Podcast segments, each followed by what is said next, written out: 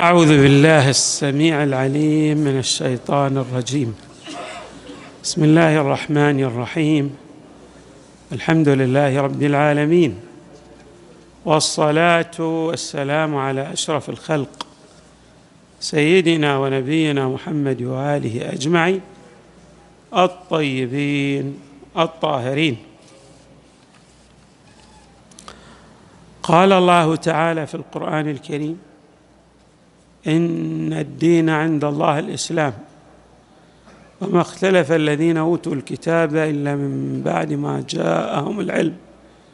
بغيا بينهم ومن يكفر بآيات الله فإن الله سريع الحساب. صدق الله العلي العظيم.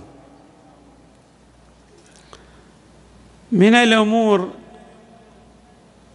الهامة التي وقع البحث فيها لدى الفقهاء والمتكلمين وهناك خلط بين البحثين البحث الكلامي والبحث الفقهي. البحث الكلامي هو بحث يتصل بالجانب العقدي وبعضه يرتبط بالجانب الدنيوي وبعضه يرتبط بالجانب الأخروي. أما البحث الفقهي قد تترتب عليه نتائج أخروية ولكنه يرتبط بالجانب الدنيوي في حياتنا الدنيا. الأمور التي قلنا خلط فيها أو اختلط فيها الأمر بين الجانب العقدي والجانب الفقهي. مسألة الإسلام ومسألة الإيمان. اولا هل أن الإسلام مع الإيمان يتحدان أم يفترقان؟ بمعنى أن كل من أسلم أصبح مؤمنا أم أن الإسلام مع الإيمان يفترقان؟ وهناك بون شاسع بين الأمرين فقد يصبح الإنسان من المسلمين. ولكنه ليس من المؤمنين. فالإيمان شيء والإسلام شيء آخر. قسم من الفرق الإسلامية كالخوارج والمعتزلة لم يفرقوا بين الإسلام والإيمان. قالوا إن الإسلام والإيمان بمعنى واحد. لكن أكثر الفرق من المسلمين يفرقون بين الإسلام والإيمان. في الأعم الأغلب التفريق بهذا النحو في الأعم الأغلب.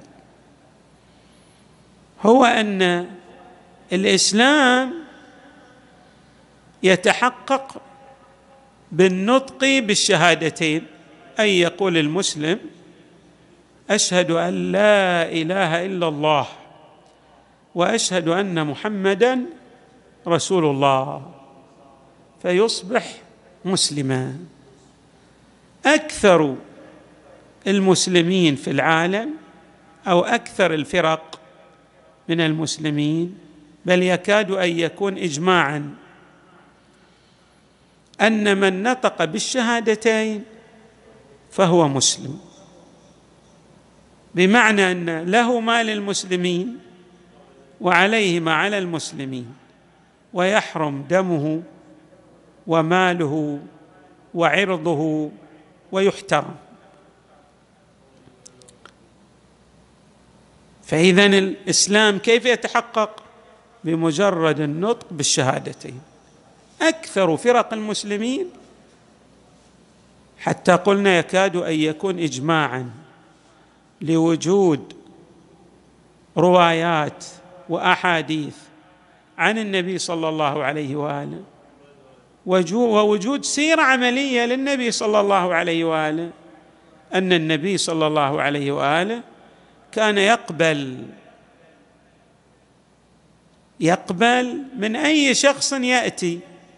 للدخول في الإسلام أن ينطق بالشهادتين بل أن النبي حتى في الحروب عندما تجرأ مثلا أسامة بن زيد وغيره على قتل بعض المحاربين يحارب المسلمين ولكن عندما يظفر به المسلم ينطق بالشهادتين. فأسامة قتل شخصا عندما ظفر به نطق بالشهادتين. فجيء أو فجاء إلى النبي وأخبر النبي بذلك. النبي غضب. قال يا رسول الله وهل نطق بهما إلا خوفا؟ يعني عندما وصل إليه السيف فقال قال لا إله إلا الله وقتلته فكان يستعظم النبي صلى الله عليه وآله قتل من نطق بكلمة التوحيد. بل في الروايات قال أشققت قلبه يعني أنت ما تعرف باطنه. وأنت ملزم أن تأخذ بالظاهر. معنى ذلك أن الإسلام يتحقق بالظاهر. وبمجرد النطق بالشهادتين. طبعا هناك من المسلمين من خلط بين الأمرين كما قلنا بين مسائل الإيمان ومسائل الإسلام. الصحيح علينا أن نفرز ما يتحقق به الإسلام ونفرز أيضا ما يتحقق به الإيمان. فالأمور التي يتحقق بها الإيمان كما قلنا بمعنى الالتزام العملي بكل ما جاء به النبي صلى الله عليه وآله. كيف تصبح مؤمنا؟ أن تؤمن بنحو تام وكامل وأن تطبق بشكل عملي جميع ما جاء به المصطفى صلى الله عليه وآله. أما لو آمنت أو أسلمت نطقت بالشهادتين ولكنك لم تطبق كثيرا من الأمور العملية فأنت فقط نعم لك ما للمسلمين وعليك ما عليهم من الناحية الظاهرية. أما من الناحية الواقعية ما معنى من الناحية الواقعية؟ الناحية الواقعية التي ترتبط بعالم المعاد بعالم الآخرة بعالم ما بعد الموت. هذه من الناحية الواقعية قد تكون أنت من المسلمين الحقيقيين وقد تكون من غير المسلمين الحقيقيين في عالم الآخرة. لأنك لم تلتزم بما جاء به النبي صلى الله عليه وآله بنحو عملي تطبيقي. إذا عرفنا أن الإسلام شيء والإيمان هو شيء آخر. سأورد ها هنا اعتمدت في البحث على أن أورد رايا لأحد علماء العقائد والفلسفة والكلام. راي عالم من علماء العقائد والفلسفة والكلام وهو السيد الطباطبائي صاحب تفسير الميزان. ورأي هو رأي لفقهاء الشيعة هو رأي السيد الخوئي وكثير من فقهاء الشيعة. ورأي آخر للمدرسة السلفية. السلفية. طبعا السلفية أيضا لهم أقسام. مثل ما أن الشيعة ينقسمون إلى أقسام المدرسة السلفية تنقسم إلى أقسام. بعض السلفيين عندهم تشدد. بعض السلفيين لا يأخذ بآراء السلف لكنه أيضا عنده نحو من المرونة والانفتاح. والقراءة بشكل للروايات القراءة بشكل وسطي. وسأورد بعضا من هؤلاء العلماء. اولا أورد رأي السيد الطباطبائي اللي يعتبر فيلسوف ومتكلم وهو أيضا فقيه لكن نحن لم نورد رأيه لكونه فقيها وإنما لكونه من كبار الفلاسفة والمتكلمين. سيد الطباطبائي في الميزان في تفسير الآية الخامسة والثلاثين من سورة الأحزاب في قوله تعالى إن المسلمين والمسلمات والمؤمنين والمؤمنات والقانتين والقانتات والصادقين والصادقات إلى آخر الآية. نعم. أعد الله لهم مغفرة وأجرا عظيما. آخر الآية. قال السيد طباطبائي نجد في هذه الآية إن الله يعطف المؤمنين والمؤمنات على المسلمين والمسلمات. وفي الأصل في اللغة العربية لابد أن يكون هناك تغاير بين المعطوف والمعطوف عليه. يعني ما يجوز أقول مثلا جاء عمرو وعمرو وعمرو الثاني هو الشيء الأول. لا لابد عمرو الثاني يغاير الأول. ولذلك الله تبارك وتعالى عندما يقول إن المسلمين والمسلمات والمؤمنين والمؤمنات أي أنه يوجد اختلاف بين المسلم والمؤمن. طيب ما هو هذا الاختلاف؟ سيد الطباطبائي يقول هذا العطف. يفيد اولا أن الإسلام هو تسليم الدين بحسب العمل. وظاهر الجوارح والإيمان أمر قلبي. الإيمان شيء آخر معنى باطني الإيمان. أما الإسلام لا أمر ظاهري.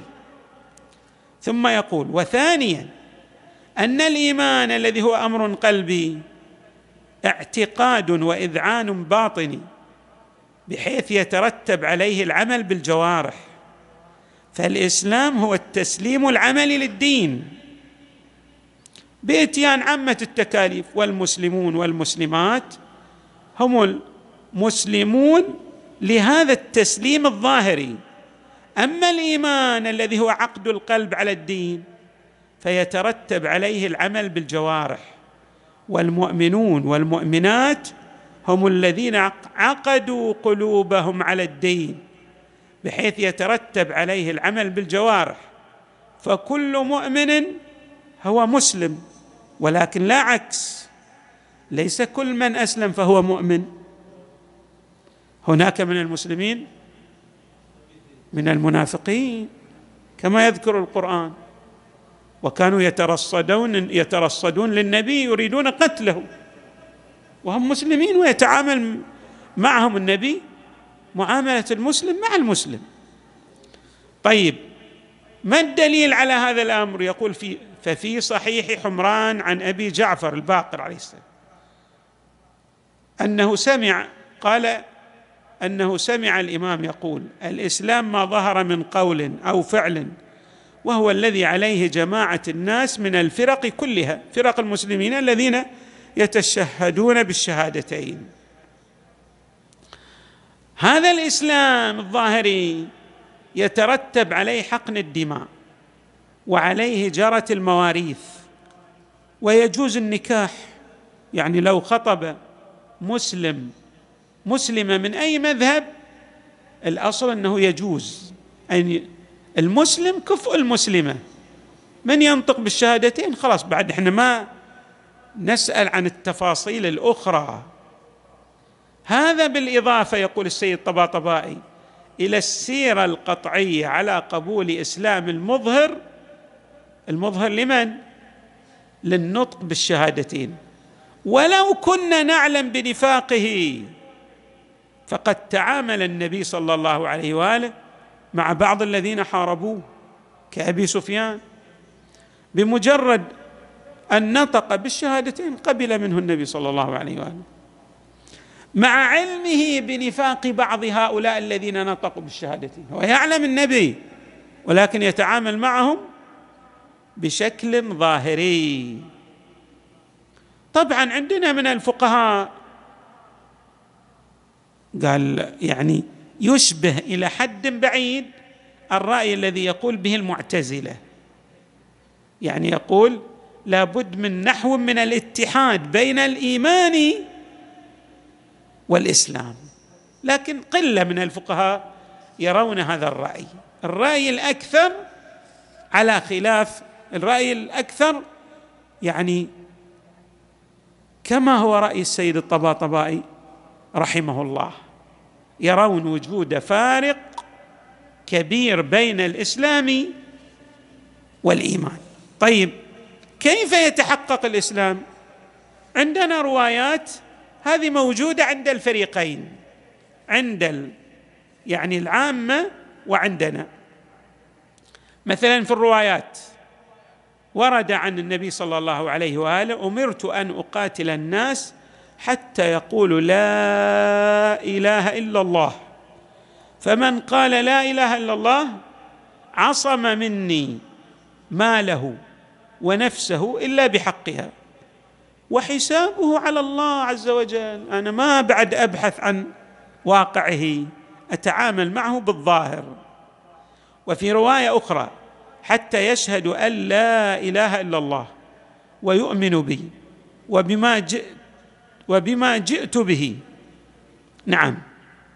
وأيضا الرواية المشهورة اللي النبي صلى الله عليه وآله قال لاعطين الرايه رجلا يحب الله ورسوله ويحبه الله ورسوله ويفتح الله عليه فدعا عليا فبعثه.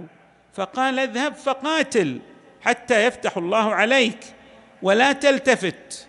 فمشى علي ثم وقف. فقال يا رسول الله على ما أقاتل الناس؟ قال قاتلهم أو قاتلوهم حتى يشهدوا أن لا إله إلا الله وأن محمدا رسول الله. فإن فإذا فعلوا ذلك منعوا منك دماءهم وأموالهم إلا بحقها وحسابهم على الله. اذا هذا كما قلت هذا الرأي هذا الرأي المشهور عند عامة أهل السنة وعند عامة أهل الشيعة. هناك آراء شاذة وقليلة لكن هذا هو الرأي المشهور. طيب. الآن سأورد لكم كلاما للسيد الخوئي رحمه الله. شوف السيد الخوئي إيش يقول. يقول في بحث الخارج ماله في التنقيح في شرح العروة الوثقى قد وقع الكلام في نجاسة الفرق المخالفة للشيعة الاثني عشرية وطهارتهم. وحاصل الكلام في ذلك أن إنكار الولاية لجميع الأئمة عليهم السلام أو لبعضهم هل هو كإنكار الرسالة يستتبع الكفر؟ من أنكر ولاية أمير المؤمنين والأئمة من أهل البيت هل هذا من الكفار أم لا؟ والنجاسة أو أن إنكار الولاية لأهل البيت إنما يوجب الخروج عن الإيمان فقط؟ عن الإيمان انتبهوا عن الإيمان مع الحكم بإسلامه وطهارته. والمعروف المشهور بين المسلمين شوفوا كلام السيد الخوئي بين المسلمين طهارة أهل الخلاف وغيرهم من الفرق الفرق المخالفة للشيعة الاثنى عشرية. المعروف المشهور بين السنة بين الشيعة. عندنا عالم واحد ولكن صاحب الحدائق قدس الله نفسه الزكية نسب إلى بعض العلماء أنه يوجد خلاف وأن هناك من حكم بكفر من أنكر الولاية لأهل البيت. واختار هذا الرأي صاحب الحدائق. اختاره. اختار ذلك. لكن السيد الخوئي يناقشه يقول هذا الرأي خلاف المشهور عندنا وخلاف المنصور. الأدلة اي الأدلة دالة على شنو؟ على أن الكفر ها هنا لمن أنكر ولاية أمير المؤمنين. كفر في مقابل الإيمان. يعني ما تحقق الإيمان وليس كفر في مقابل الإسلام. يكون نفهم هذه النقطة. يعني كفر يتعلق بعالم الآخرة. لو راح إلى عالم الآخرة هل يجازى هذا كالمؤمنين الذين آمنوا بولاية أهل البيت أو له جزاء آخر وحساب آخر؟ وقد تعرض عليه الولاية لأهل البيت في عالم الآخرة فيقبلها فيصبح من المؤمنين أيضا. خاصة إذا كان أنكر الولاية لشبهة. وعندنا روايات يعني صحاح على أن كثير من المستضعفين تعرض عليهم الولاية لأهل البيت وأنكروها لوجود شبه عندهم. ويقبلون هذه الولاية ويحشرون مع المؤمنين. فاذا عندنا خلاف. ولذلك السيد الخويشي يقول؟ نعم. يقول هناك روايات تدلل على صحة ما ذهب إليه صاحب الحدائق يعني أن منكر الولاية كأنه أنكر الرسالة للنبي صلى الله عليه وآله. بس هذه الروايات شو تريد؟ دلالتها بلحاظ الإيمان وليس بلحاظ شنو؟ إنكار الإسلام. وإن كانت هذه الروايات يقول من الكثرة بمكان الا إنه لا دلاله لها على نجاسة المخالفين للإمامة يعني الذين لا يؤمنون بالإمامة إذ المراد فيها بالكفر ليس هو الكفر في مقابل الإسلام وإنما هو الكفر في مقابل الإيمان. نعم.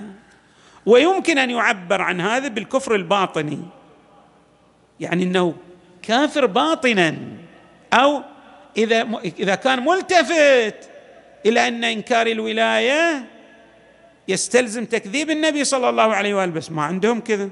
هم يتأولون الروايات يقولون إن هذه الروايات الدالة على مثلا من كنت مولاه فهذا علي مولاه شنو؟ بمعنى من كنت ناصره من كنت محبه. يعني يفهمون هذه الروايات بفهم غير الذي يفهمه أتباع أهل البيت عليهم السلام. فاذا عرفني.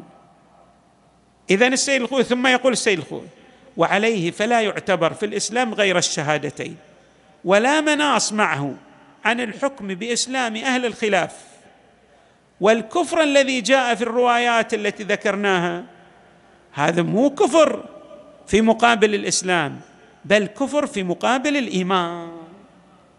واضح بعد. طيب. طبعا إحنا عندنا ينبغي أن نلتفت إلى هذا. أيضا الكلام ذكرنا رأي السيد الخوي. نذكر أحد علماء المدرسة السلفية ابن رجب الحنبلي من أكابر علماء الحنابلة. وعنده كتب في الأخلاق وكتب في الفقه وهو حجة يعني من العلماء الحجج في المذهب الحنبلي. قال الحافظ ابن رجب ومن المعلوم بالضرورة أن النبي صلى الله عليه وآله وسلم وقال هذا من عنده هو قال صلى الله عليه وسلم كان يقبل من كل من جاءه يريد الدخول في الإسلام. يقبل شنو؟ الشهادتين فقط. ويعصم دمه بذلك ويجعله مسلما. فقد أنكر على أسامة بن زيد قتله لما قال لا إله إلا الله لما رفع عليه السيف واشتد نكير النبي على أسامة. ولم يكن النبي صلى الله عليه وآله وسلم يشترط على من جاءه يريد الإسلام يقول له يعني لابد تصلي لابد تصوم لابد تسوي كذا ابدا. ما كان يشترط شيء ابدا. طيب. اذا عرفنا أن هناك علماء من السنة ومن الشيعة يتفقون على أن الإسلام هو بمجرد النطق بالشهادتين. قلة من العلماء من الشيعة والسنة من يفصل. يعني يرى مثلا بعض علماء الشيعة يقول لا من أنكر الولاية بعد ما يقول هو كافر يقول هو إذا كان يستلزم إنكار للولاية. تكذيب النبي صلى الله عليه وسلم يعني قضية شرطية مربوطة بعالم الآخرة أيضا جزاؤها. حينئذ جزاؤه في عالم الآخرة جزاء الكافرين. وهذا واضح إذا كان يكذب النبي صلى الله عليه وآله واضح بعد يقول. يعني كأنه يقول النبي ما جاء بهذا الأمر. مع وجود أدلة قطعية على هذا الأمر. كل من أنكر شيئا من الأمور الضرورية يعني مثلا الواحد لو أنكر الصلاة قال النبي ما جاء بالصلاة. مع وجود الأدلة الدالة القطعية على أن النبي قال يعني آيات كثيرة وأقيموا الصلاة وآتوا الزكاة. فإذا كان تكذيب النبي في أي فرع الولاية مثل إنكار الصلاة مثل إنكار الزكاة مثل إنكار الحج أو عدم الإتيان بالحج. ولله على الناس حج البيت من استطاع إليه سبيله ومن كفر فإن الله غني عن العالمين. الكفر بمعنى ماذا؟ الكفر بهذا المعنى. كفر عملي بمعنى الإنكار المستلزم لتكذيب النبي صلى الله عليه وآله فيما جاء به. طبعا. اذا هذا واضح. للكلام تتمه ستأتينا إن شاء الله. وصلى الله وسلم وزاد وبارك على سيدنا ونبينا محمد وآله أجمعين الطيبين الطاهرين.